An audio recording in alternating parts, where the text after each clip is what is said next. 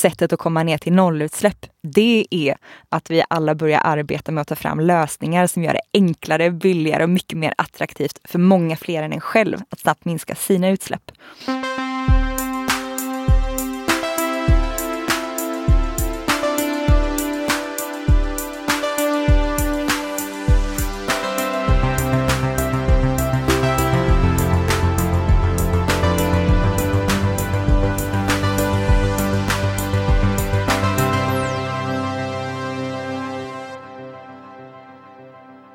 Där är framtiden. Vi sänder från Helio GT30 Stockholm, Christian von Essen och i den mysiga poddstudion i fåtöljen mittemot sitter nu Rebecka Karlsson. Välkommen till podden. Tack snälla.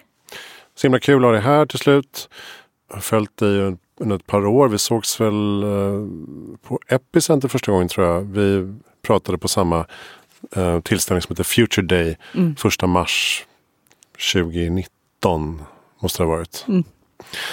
Och eh, sen dess så har du nu under hösten 2020 släppt en bok som heter Exponentiell klimatomställning. Ska vi börja där lite grann? Vad har hänt under din höst egentligen?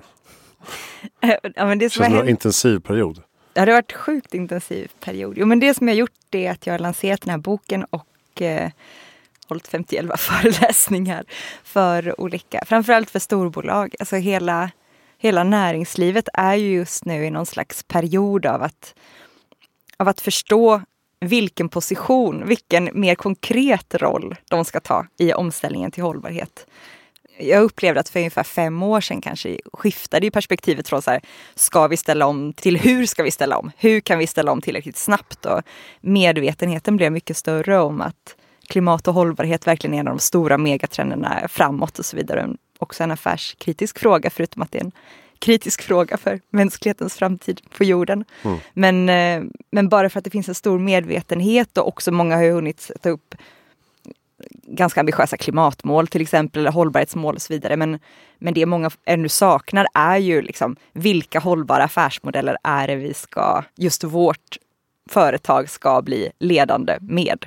Så klimatarbetet går ju liksom in i en ny kreativ, mycket mer kreativ och konkret fas, handfast fas. Och där behöver ju nästan alla företag guidning, vilket är helt naturligt. Men, eh, men vi behöver liksom skala upp och skala ut kunskapen om hållbarhet nu till hela näringslivet på, inom loppet av ett par år.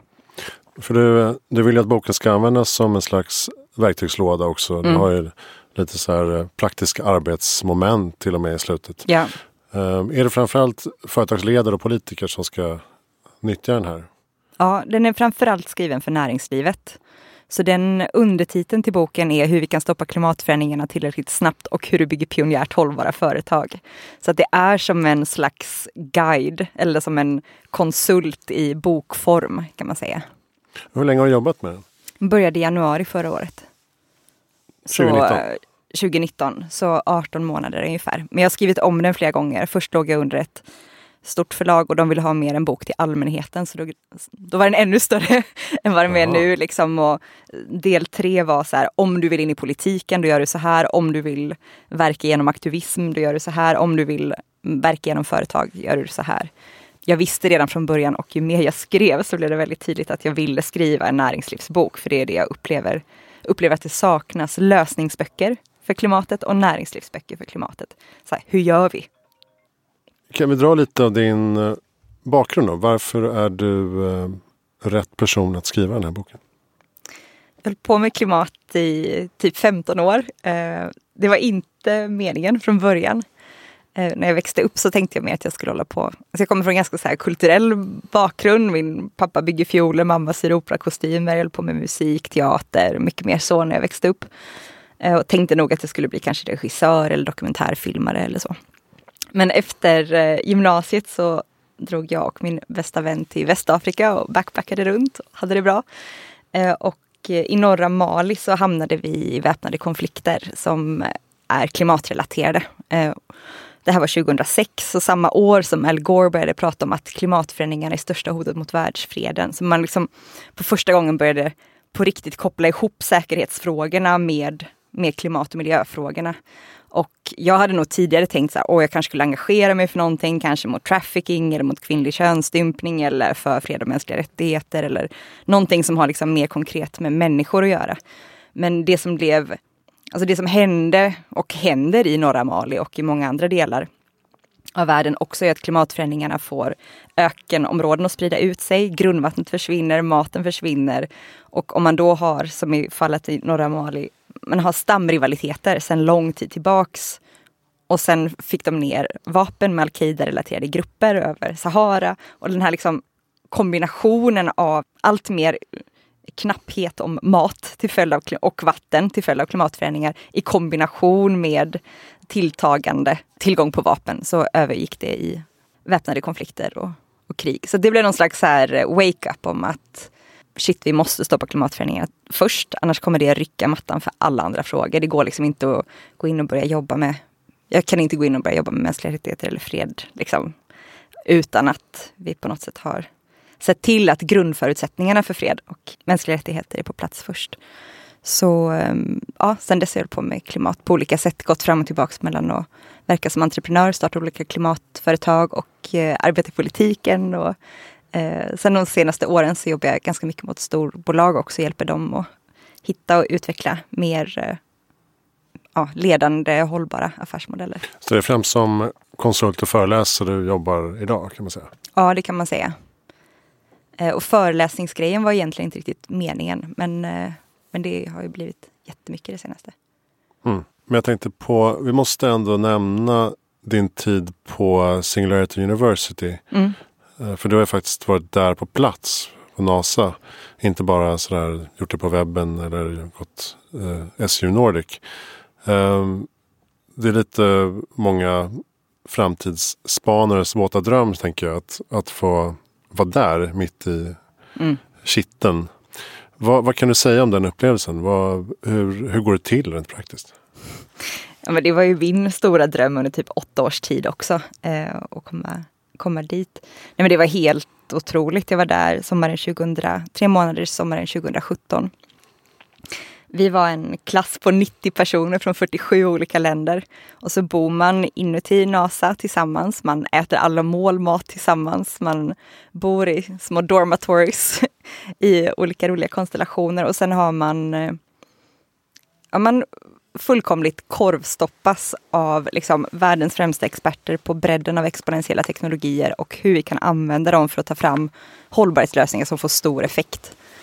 150 föreläsare och 90 mentorer. Alltså något sånt där. Det var liksom helt extremt eh, roligt. Men det kan vara så här. Ray Kurzweil föreläser fyra timmar om AI på förmiddagen. Sen har man en lunchworkshop eh, om hur man styr robotar med hjärnan och sen så kommer någon expert på energisystem in och håller föreläsning på eftermiddagen och sen ibland hade vi kvälls och nattföreläsningar också som tog vid kanske nio på kvällen. Den längsta började nio på kvällen, slutade nio på morgonen. Eh, med gemensam frukost och så höll det på sådär. Liksom. Så det är ju som en... Eh, ja, det är ju någon slags drömvärld liksom. Men det känns också så här, kan man tillägna sig så mycket kunskap? Eller är det bara är det ett sätt att få folk att fatta så här, hur mycket som faktiskt händer? Alltså jag utvecklade det som liksom ett eget en ny grimas när jag var där. Liksom bara kom på mig själv efter ett par veckor att jag satt och så bara spärrade upp ögonen och ögonbrynen. För att liksom försöka processa maximalt med ny information i realtid. Men det är ju helt det, man ligger ju verkligen på gränsen av sin hjärnkapacitet hela tiden. Det känns som att hjärnan brinner liksom, för att man bara försöker processa och processa och processa. Mm. Också för att det är på engelska och fackspråksengelska inom olika teknologiska. Liksom så. Men sen tror jag att man tar till sig olika saker beroende på vad man har för bakgrund.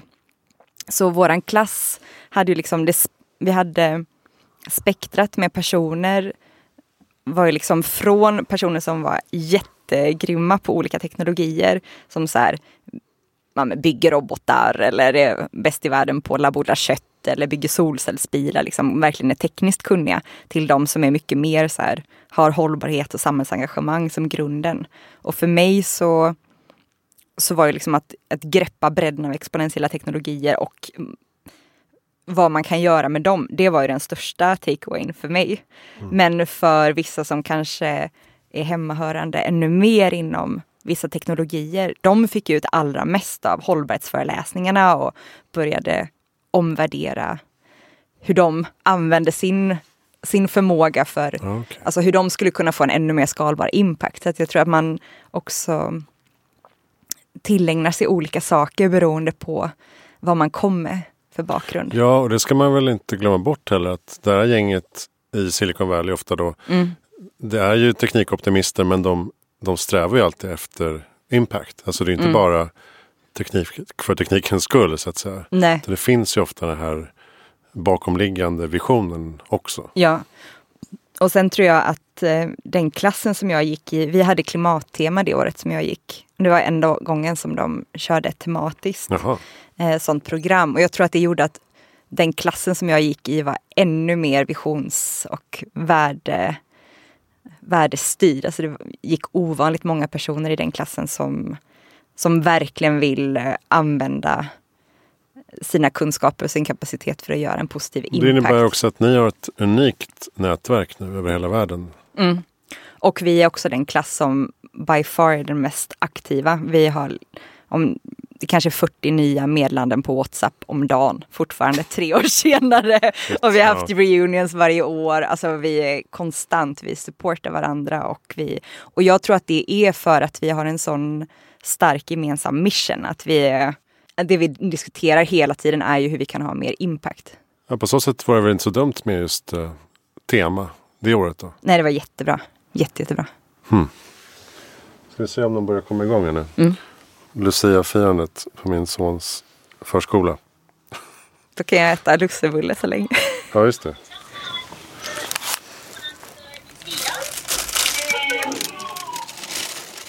Jag hade två kameror. Smart.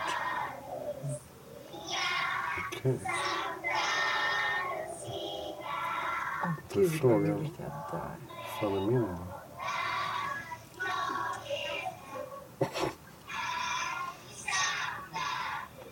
För han vill, han vill liksom inte vara med. Min son. Det är som ett singularity Ja, precis. för barn. Så, nu har vi kollat på Lucia-firandet. Det var starkt. Det var jätte... Ehm, jag kan inte påstå att min son sjöng så mycket. Men han var med. Han var pepparkaka. Mm. Duktig. Det var väldigt, väldigt fint. Blev du rörd? ja. Ja, det var fint. Ehm, ja, klimatet. Klimatet. Ehm, nej men, det som är intressant med din bok, eller din, din övergripande teori, ehm, som jag faktiskt också tog med i min föreläsning eh, nu på sistone, Mm. är ju att eh, vi har flera så att säga exponentiella utvecklingar pågående samtidigt. Mm. Kan inte du förklara lite hur du menar att de kan samspela, de här olika megatrenderna? Ja, men för det första så kan man ju bara konstatera att vi behöver en väldigt storskalig och allra, allra helst exponentiell klimatomställning. Alltså om man tittar fram tills idag så har vi haft det finns en, en sammanställning av exponentiella grafer som ibland kallas för the great acceleration. Det är egentligen en översikt över hur en exponentiell ökning i mänsklighet, i ekonomi, i industri har lett till en exponentiell miljöförstöring på område efter område. Utsläpp av växthusgaser exponentiellt upp, artutrotning exponentiellt upp, spridning av farliga kemikalier exponentiellt upp och så vidare, och så vidare på område efter område. Och det vi behöver göra nu för att stoppa klimatförändringarna tillräckligt snabbt och undvika det som kallas för oåterkalleliga konsekvenser, alltså när, när utvecklingen, när temperaturen snabbt drar iväg åt ett håll så att vi inte längre kan stoppa det, att det börjar skena helt enkelt. Det är att vi behöver hålla den globala uppvärmningen väl under två grader, men allra, allra helst försöka hålla den under 1,5 grad. Och det är möjligt om vi från och med nu minskar utsläppen exponentiellt i den takten att vi pikar utsläppen ungefär 2020, alltså i år. Att vi halverar dem varje decennium på global nivå och når nollutsläpp 2050. Så istället för en exponentiell ökning av utsläpp så vill vi nu ha en exponentiell minskning av utsläpp. Och det kan ju låta fasligt ambitiöst. Så här, är det ens möjligt att globalt halvera utsläppen varje decennium? Men om vi ser oss omkring i samhället så menar jag ju att vi, utvecklingen går ju mycket snabbare på en rad andra områden.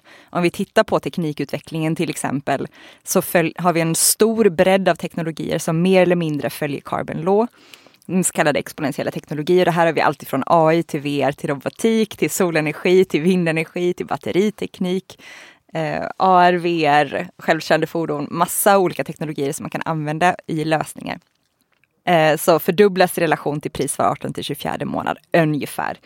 Eh, men sen är det ju heller inte bara teknologier som kan utvecklas exponentiellt, utan beteendeförändringar, attitydförändringar, sociala rörelser kan också förändras exponentiellt. Och det tycker jag att vi behöver prata minst lika mycket av. Vi pratade tidigare om Singularity University, där har man ju väldigt mycket fokus på de exponentiella teknologierna. Men det som är minst lika intressant tycker jag, det är ju att ta fram klimatlösningar eller hållbara företag där man redan från början försöker bygga in lösningar som möjliggör väldigt snabba beteendeförändringar också. Och kombinationen av exponentiella beteendeförändringar och exponentiella teknologier är såklart ännu mer intressant. Och kan vi dessutom få till understödjande systemförändringar som liksom understödjer och driver på det här ännu mer, då kan ju utvecklingen gå ännu snabbare. Så det vi behöver göra på klimatområdet är ju att i snabb takt ta fram lösningar som för allting som kommer med stora utsläpp idag behöver vi ta fram nya lösningar som löser de egentliga mänskliga behoven men med radikalt mindre utsläpp och sprida dem. Och, och det menar jag det är fullt möjligt. Så anledningen till att det inte är för sent att stoppa klimatförändringarna, även om det är extremt bråttom, det är ju att det är, det är fullt möjligt att ta fram lösningar som väldigt snabbt minskar utsläppen och tar utvecklingen åt rätt håll och det är det vi behöver ha fokus på. Just det. Och här bredvid oss ligger boken Bråttom men inte kört mm. av Stefan Edman som jag håller på att läsa. Det är en helt. Eh, perfekt titel. ja, eller hur? Ja. Det heter Frågor och svar om klimatet. Det är, um, vet du, nej, men det är väl därför både du och jag är försiktigt hoppfulla inför framtiden. Eh, mm. Uh, trots de stora problem och utmaningar vi står inför. Uh, för att vi hoppas och tror att de här uh, tendenserna kan samspela och kommer att samspela. Att det kommer bli allt mer naturligt att jobba på det här sättet. Mm. Och det tycker jag man ser. Eh, jag tycker vi ser eh, så kallade tipping points redan idag där storbolagen kämpar jättemycket med det här. Mm. Eh, det börjar bli mer än tjusiga ord för det räcker liksom inte. Man har ganska tuffa klimatmål. Även om det är, om det är 2040, eller 2030 eller 45. Mm. Så, ehm, så är det förpliktigande på något sätt. Mm. Och lite som, som vi pratade också på internetdagarna när du var med eh, i eh, Framtiden eh, spåret där. Att eh, det man pratar om mycket i alltså, Silicon Valley-kretsar och eh, Peter Diamandis till exempel. Mm. De pratar om de här sex d att det ska bli demokratiserat, digitaliserat, demonetized och, och så vidare. Det börjar ju med att det är deceptive, mm. de här exponentiella teknologierna. Att vi inte riktigt ser dem komma. För att 1% till 2% låter inte så mycket men Nej. det är en fördubbling. Mm. 2-4 procent och så vidare. Jag tror att det är därför det är svårt att se de här framstegen just nu. För att det är på, från låga nivåer så att säga. Ja men om man tittar på solenergi som exempel till exempel så tog det ju flera decennier att komma upp i att en procent av världens energiförbrukning eller energianvändning utgjordes av sol. Och sen tog det liksom ytterligare några år till att komma upp i 2 procent. Och det, det, är fortfarande en försvinnande liten del av den totala energimixen. Men sol är en av de exponentiella teknologierna och blir exponentiellt billigare. Den är redan den billigaste formen av energi i över 30 länder. Till skillnad från kol, olja, gas som inte är exponentiella teknologier. Och, och det säger ju någonting om på några års sikt, hur stor del av energimixen kommer det att utgöra? Och vad är potentialen? Och energi är ju så kallad en så kallad fungible resource, alltså man köper den billigaste formen.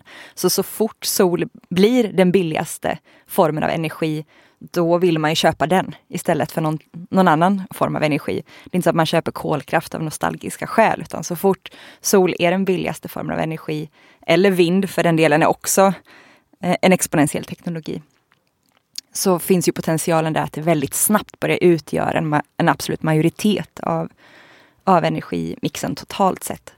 Och det är ju men det är väldigt viktigt tror jag att vi, att vi börjar bli bättre på att förutspå den här typen av utveckling. Vi hade ju exemplet nu till exempel med, för inte så länge sedan med Premraff och man börjar titta där och bara kikar på det liksom från distans och bara hmm, är det här smart? vet, de, eh, vet de hur landskapet troligtvis kommer ritas om och hur priserna kommer ritas om? Och sen några månader senare, så mycket riktigt, så kommer de tillbaka och säger att det här var inte ett bra affärscase.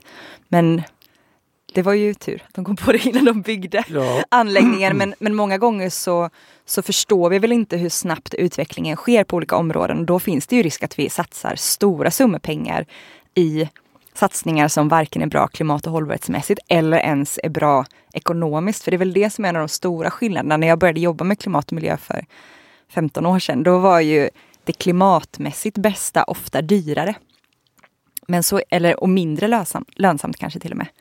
Men nu är det ju många gånger precis tvärtom. Så det är snarare en kunskapsfråga än att det är, egentligen skulle vara en ekonomisk, en, ett ekonomiskt sämre alternativ. Många gånger har det ju mycket större potential affärsmässigt att satsa i, i de mest hållbara alternativen. Precis, så det är väl därför också som vi ser nu eh, kapitalet flytta ja. till hållbara lösningar eftersom det är där affärerna ligger i framtiden ja. och det är dessutom där riskerna ligger. Om man inte är hållbar eller eh, anpassar sig efter klimatförändringar eh, som är ju andra delen av det så att säga. Mm. Så vill de ju inte investera i det. Det är därför Blackrock har sagt att till exempel mm. um, vi tänker inte ta i bolag som inte är hållbara. Det handlar inte bara om fossila utsläpp. Nej. Det handlar om att inte bygga tillräckligt resilienta mm. uh, städer till exempel. Uh, så det är därför jag tror att det kom, den kartan kommer ritas om ganska snabbt också. Ja. Om man får kapitalet med sig, det var det vi pratade om också på internetdagen, att det är då man kan få eh, snabb utväxling ja. på teknologin också. Um, och du sa också på din releasefest där på Fotografiska så kom frågan om vad som behöver skyndas, skynda på utvecklingen mest. Mm. Då sa du investeringar just. Mm. Um, är det alla typer av alltså, investeringar tänker, du tänker på då? Eller det politiskt och näringsliv och pensionsfonder och ja, hela systemet? Hela systemet. Och, men just finanssektorn är kanske en av de sektorer som har varit senast på klimatbollen. Att man varit väldigt långsam och även om det börjar hända mycket mer inom finanssektorn så är de först, fortfarande, skulle jag säga, ganska efter. Det går mm. Eh, det är stora delar som ännu inte alls är up to speed. Och man vet kanske heller inte, många delar fokuserar mycket på att kanske göra ESG-analys. Alltså man, man, man analyserar utifrån olika typer av hållbarhetsrisker. Men det som, vi fort, det som vi behöver mycket större fokus på det är ju vad är den potentiella uppsidan. Alltså hur, hur värderar man ett hållbart företag och det, det hållbara erbjudandet och potentialen i det erbjudandet.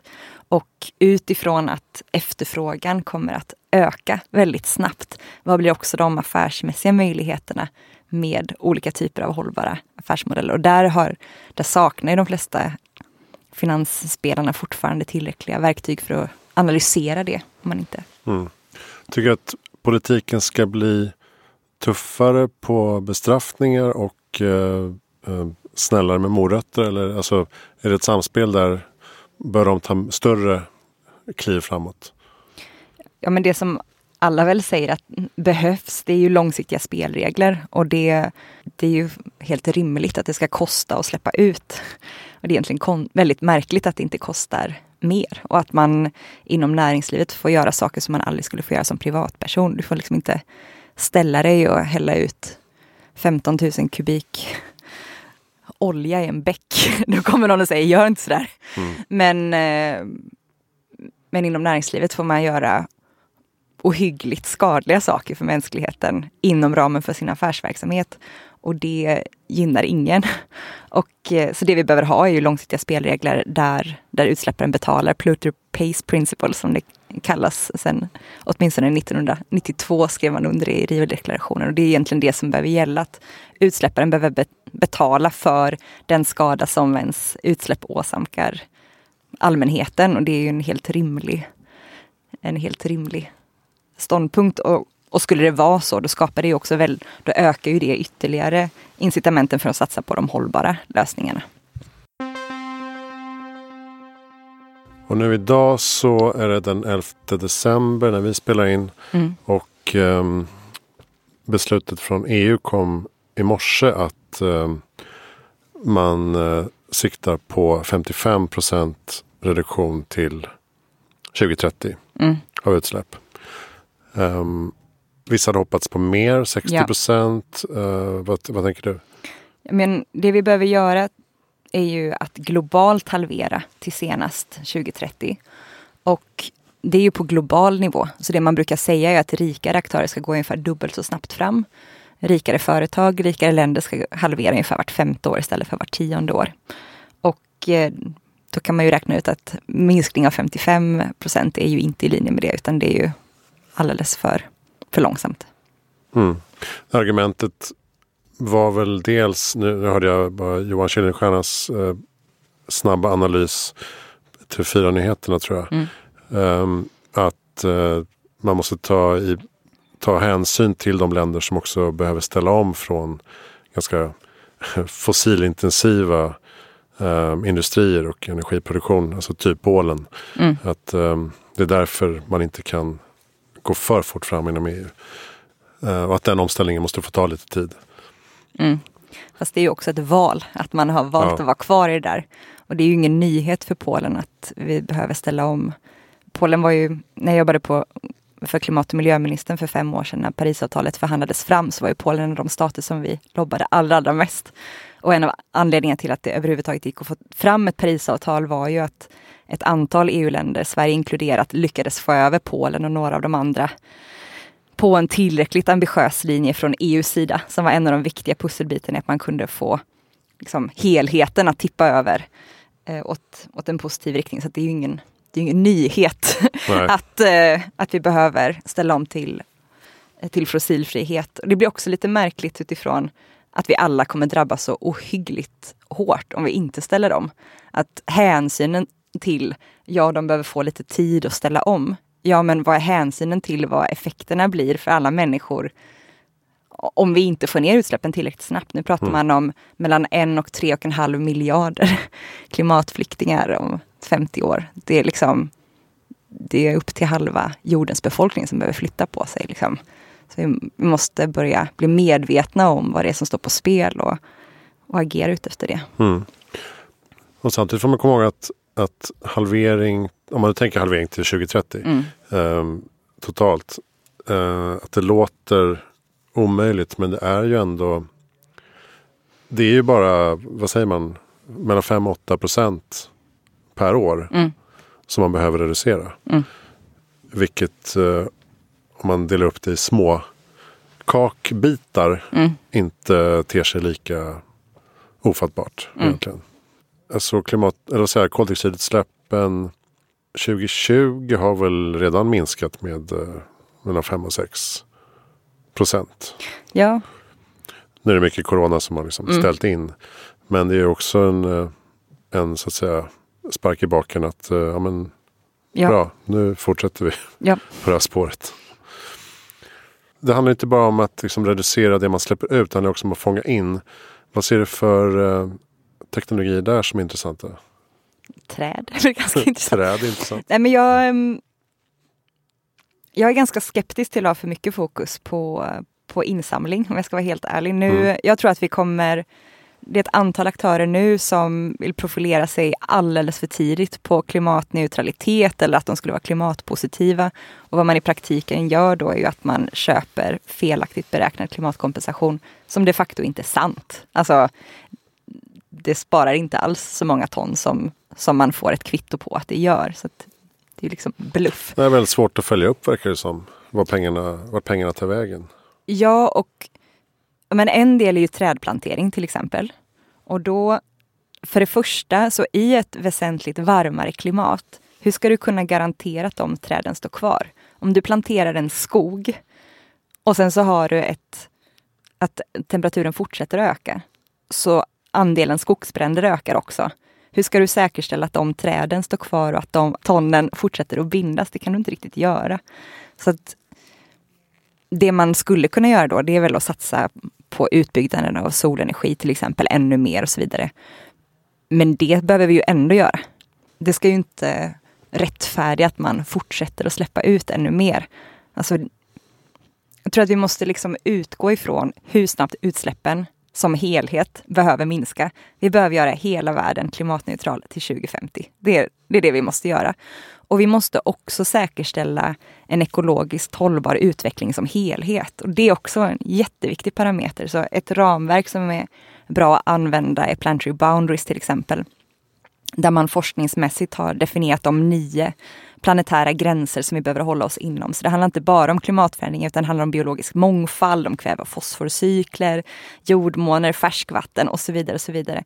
Så det man också måste göra är ju att hela tiden ha fokus på den här lösningen, är den hållbar som helhet? Och vi vet att den biologiska mångfalden till exempel är ännu mer illa ute än vad klimatförändringarna är. Vi är på väg in i det som kallas för den sjätte massutrotningen. Och om man tittar på biomassan nu till exempel så är Eh, 60 procent av alla djur, boskap, 36 procent människor och 4 procent vilda. Och det vi vill ha för att ha så motståndskraftiga ekosystem som möjligt så hög, och så hög resiliens som möjligt. Det är en så stor artrikedom som möjligt. Så det här med liksom att snabbt plantera stora monokulturskogar för att binda kol som man inte ens vet står, om de står kvar. Det är inte särskilt hållbart. Så även om det binder koldioxid så ska vi ändå inte göra det, för det är ändå en dum idé. Så man måste hela tiden också sätta klimatomställningen i en hållbarhetskontext och en förståelse för hållbarhet holistiskt sett. Det är jätte, jätteviktigt. Men du sa samtidigt att träd är intressant ur, ur lagringssynpunkt. Alltså, ska man eh, plantera på andra sätt då? Eller, eh... Nej, men en viktig sak är ju att förvalta de skogar vi har på ett bättre sätt. Och jag tror att vi kommer ha en... Man säger ibland att vi har en real food revolution, alltså riktig matrevolution. Och jag tror att vi kommer ha en real forest revolution lika mycket. att Nu behandlar vi våra skogar lite grann som någon slags morotsodlingar. Liksom. Vi, vi har en typ av skog på stora arealer. Det är väldigt icke-resilient. Det är som gjort för att få in pest eller olika typer av sjukdomar eller när det utbryter skogsbränder, vilket det kommer göra i allt högre grad, så är det mycket, mycket bättre att ha blandskog till exempel och också ha en mer välmående skog än att ha de här liksom mycket skörare eh, monokultur skogsbruken. Och vi vet också att liksom, mer artrika skogar binder mycket mer koldioxid mm. eh, i marken, även om det inte bara är mer träd. Så Ja, men det här är väldigt intressant för att vi vill, vi vill använda skogen för massa saker. Samtidigt så vill vi röra den mindre så att den biologiska mångfalden kan få bli rikare och det är så viktigt. Och sen samtidigt så fort man börjar prata om att man skulle ha mer skog då kommer ju en annan del och pratar om vikten av de öppna landskapen och en del är ju snabba med att liksom prata om varför vi måste fortfarande ha mycket boskap i, liksom, ja, i artrikedomens namn och vi måste beta ängar och hej och hå. Så att liksom, det är många värden man vill få in samtidigt. Så att det jag kommer tillbaka till hela tiden är att utsläppen måste ner. Vi kan liksom inte så här, vi kan inte fortsätta släppa ut och tänka att vi ska fördubbla skogsytan eller något sånt där för att likely kommer det inte hända utan vi... Nej, skogen växer ju också. Alltså den blir ju inte mindre utan den har ju växt med 7 procent senaste 40 år någonting. Men det är ju regnskogarna antar jag som verkligen inte får fortsätta skövlas.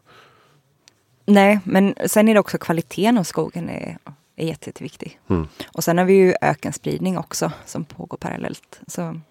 Vad får du, eh, när du är ute och pratar, du är liksom i väldigt skilda sammanhang nu. Du är ute i storbolag mm. och branschorganisationer och sådär. Vad brukar du få för mothugg. När du träffar de här som sitter med armarna i kors. Mm. Vad, eh, vad är det för motreaktioner du får? Nej, men det som är så intressant är väl att det inte är så mycket motreaktioner. Och det har verkligen varit, alltså varit så många gånger i år när jag har jag liksom går, åker till ett sammanhang och är lite defensiv för att jag tror att nu jäklar kommer jag... Ja men det kan vara så här, det kan vara asfaltsföretag, det kan vara bilbolag, det kan vara bilbranschens riksförbund, det kan vara skogsföretag. Alltså verkligen aktörer som jag tänker, shit, nu, nu, nu blir det. Um, men så är det inte längre. Och det är väl det som säger någonting om vilken, vilken era frågan har nått på något sätt. Just att det alla vill diskutera är ju hur gör vi? Liksom. Det är typ ett år sedan så pratade jag på Motorbranschens riksförbunds årsmöte. Eller inte årsmöte, men en av deras stora konferenser. Och det var verkligen sånt där. Jag var shit, jag kommer bli lynchad. Det är också så här tjejen som ska prata hållbarhet ska mm. prata på fredag morgon klockan nio. Liksom, det, här, det, här blir, det här blir bra. Så satt de liksom helt allvarligt hela publiken. Jag var oj, oj, oj, oj. Det här närmar sig frågestund. Liksom. Och så efteråt var det ja, men det var bara som ett liksom, lämmeltåg av folk som ville komma fram och diskutera och vi vill göra mer och hur kan vi göra? Och sen så pratade jag på en annan bilkonferens ett par månader senare i Göteborg och då var det en av dem som bara jag har kört elbil varje dag sen du pratade Jaha. och vi håller på och så här, ser hur vi kan göra mycket mer och guida kunder mycket bättre och så här. Så att det har varit intressant för mig själv att jag har så mycket fördomar om vad jag tror. Jag minns ju vad vissa företag var för fem år sedan, tio år sedan. Mm. Men det är inte sant längre. Poletterna börjar trilla ner så att säga det har gått så extremt snabbt. Alltså extremt snabbt. Och jag tycker att det har gått extremt snabbt både i relation till förståelsen om att det är en affärsmässig megatrend. Alltså det, man börjar behandla det lite grann som digitaliseringen. Så här. Det är någonting som måste integreras i affärsmodellen. Man börjar se affärsmöjligheterna i det på ett helt annat sätt än så var det inte för fem år sedan. Liksom. Och det kommer väl bara av att man ser var det växer. Så. Men jag upplever också att det genuina engagemanget, förståelsen för hur viktiga frågorna är och att allt fler företagsledare också vill ha det som sin legacy, att man vill bidra till någonting på riktigt eh, kopplat till klimat och hållbarhet. Den ökar också snabbt. Och det är ju först, alltså de företag som gör riktigt intressanta saker på hållbarhetsområdet, det kommer ju ofta från att det är vdn som, som går in och på verkligen tar ledarskap i de frågorna och då börjar det hända mycket saker så det är väldigt positivt. Och vi ser ju det här inom industrin och inom transportsektorn. Till och med drivmedelssektorn. Ja. Eh, modebranschen. Mm. Fastighetsbranschen. Mm. Finns det några sådär eftersläpare som borde ta tag i det här snabbare? Du sa, du sa finansbranschen till exempel. Ja, men finansbranschen tycker jag har varit sen sen på bollen också utifrån att det är ju där det kommer växa. Alltså att det är, det är verkligen en missed opportunity. Om man kollar på också att man har varit sen på att dra sig ur fossila investeringar. Om man kollar på, på kolbranschen till exempel så förlorar den under sex år mellan 2011 och 2017 90 procent av sin värdering. För att sen bouncea tillbaks till minus 75 procent. Citibank uppskattar att det är 100 triljoner dollar som är ja. 100 trillion dollars, vad blir, blir ens det? Svensk. det, det, är så mycket pengar att det inte går. Som är liksom stranded assets som vi aldrig kommer se röken ur för att det är investeringar vi har gjort i fossilt som vi aldrig kommer... Ja. Så att det är ju i den hållbar, de hållbara branscherna som det växer snabbast och det, det är dit man borde flytta, flytta pengarna. Sen tycker jag att techbranschen är, har ju varit liksom sen på bollen också utifrån cirkulär ekonomi. Alltså, i, FN har beskrivit det som att vi står i en tsunami av e-waste. Mm. Det är liksom, jag kommer inte ihåg om det är, det är typ 26 eller 52, jag kommer inte ihåg, x antal så här Eiffeltorn mm. uh, av e-waste som bara ökar varje år. Och det är liksom mer guld som skvalpar runt i e-waste än tror att det är liksom de flesta länders BNP. Liksom. Så det, ja. det, är så idiotiskt, både utifrån ett klimatperspektiv men också utifrån ett resursperspektiv så kan man säga så här, här har vi ju uppenbarligen designat saker på ett ganska dumt sätt. En av de centrala begreppen i cirkulär ekonomi är design for disassembly, alltså att man, att man är väldigt förtänksam när man tar fram ett objekt oavsett om det är ett infrastrukturprojekt eller en byggnad eller elektronik så måste man designa allting smart från början så att man redan i designfasen preppa det objektet för att kunna plockas isär i sina beståndsdelar, också kunna reparera så länge som möjligt så att man kan förlänga livslängden.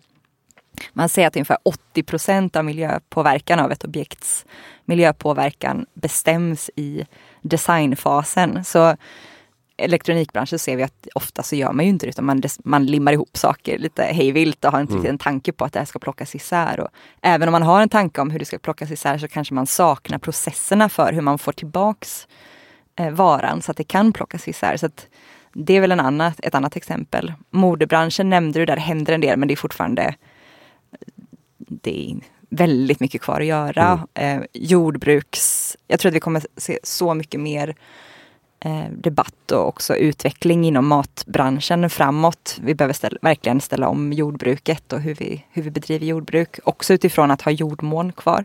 Så att vi kan fortsätta försörja oss på mat.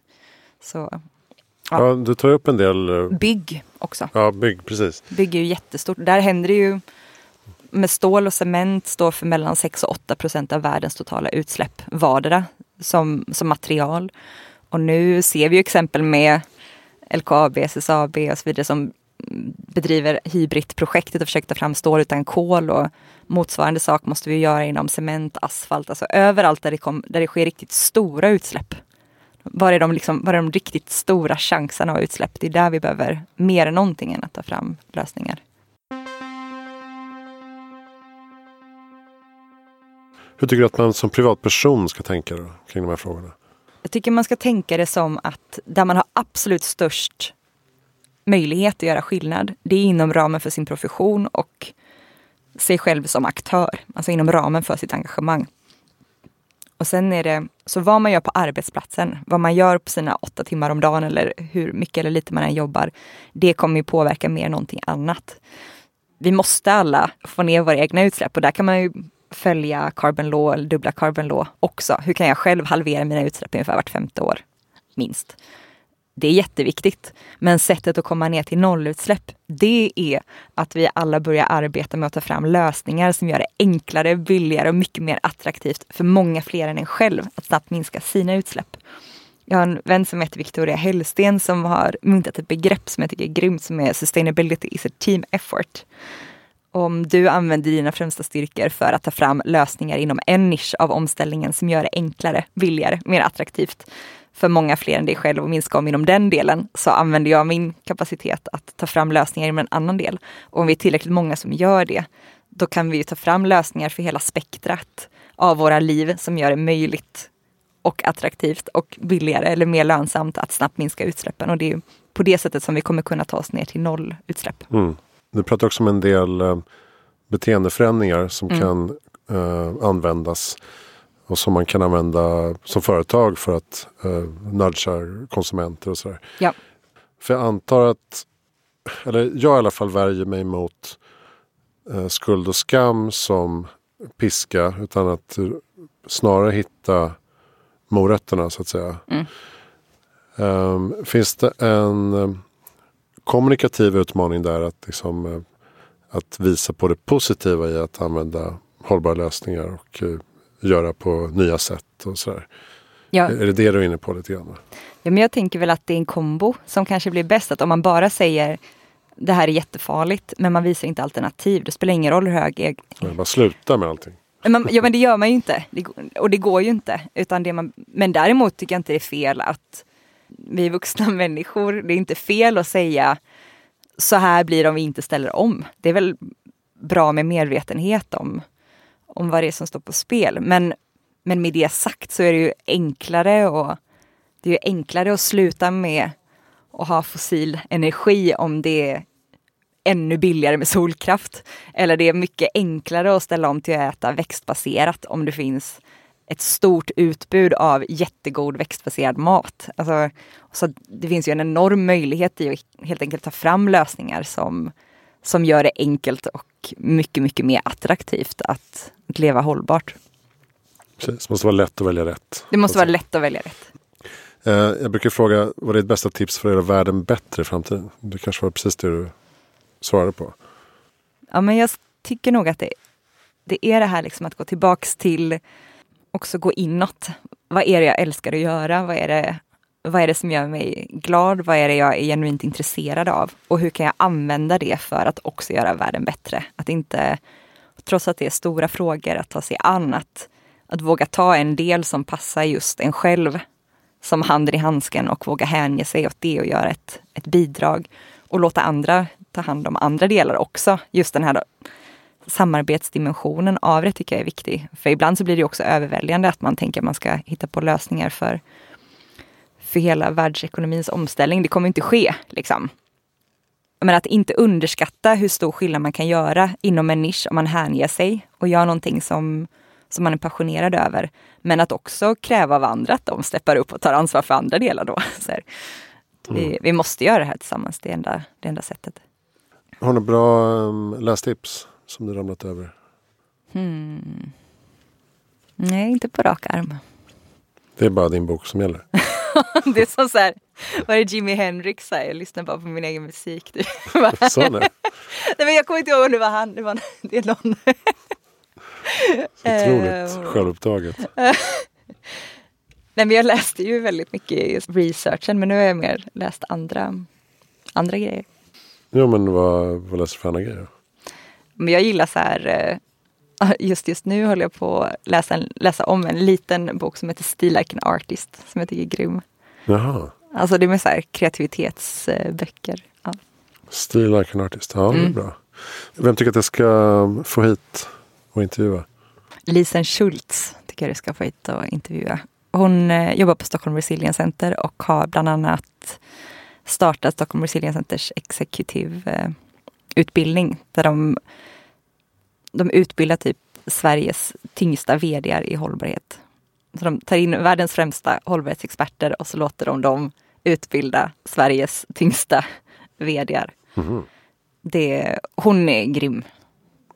Bra. Också grym person. Perfekt tips. Mm. Vi avrundar där. Uh, hur får man tag på din bok på bästa sätt? Det beror på om man vill ha, om man vill ha enstaka ex så tycker jag att Adlibris är bra för då får man det frakt, fraktfritt. Men om man vill, det jag verkligen vill göra mer än är att sälja billigt på bulk till företag så att man kan använda den som, som guide när man utvecklar nya hållbara affärsmodeller. Och då kan man beställa den till mängdrabatt på min hemsida som är rebeckakarlsson.se. Och då ja, får man mer och mer rabatt ju fler man köper så att man ska kunna köpa på sig ett större gäng böcker. Mm. Du verkar få till några sådana mm. avtal i alla fall. Man drar i med 50-100 stycken. Någonting. Ja. Det är jättebra. Eh, bra, rebeckakarlsson.se och eh, du finns lite runt på sociala medier. Mm. Eh, är det något sätt du föredrar att bli kontaktad på? Instagram är jag nog mest aktiv på. LinkedIn är bra. Ganska inaktiv på Twitter just nu. Facebook funkar också bra. Mm. Grymt. Tack snälla Rebecka Karlsson för att du kom till Heja Framtiden. Tack snälla. Vi eh, rullar vidare. Snart är året slut. 2021 blir förstås ännu bättre eh, och ännu mer aktivt. Eh, jag tyckte jag skulle ha 100 gäster i år. Det blev kanske 60 någonting. Jag vet inte. Det var lite svårt med pandemi. Jag gör alla intervjuer face to face fortfarande. Får börja steppa upp distanspoddandet Eh, nästa år. Eh, jag heter Christian von Essen. Tack snälla för att du lyssnar och stöttar Heja Framtiden. Kolla in hejaframtiden.se för alla eh, intervjupersoner och eh, föreläsningar och böcker och magasin och allt vad det är. Vi ses nästa gång med något annat. Tack för att du lyssnade.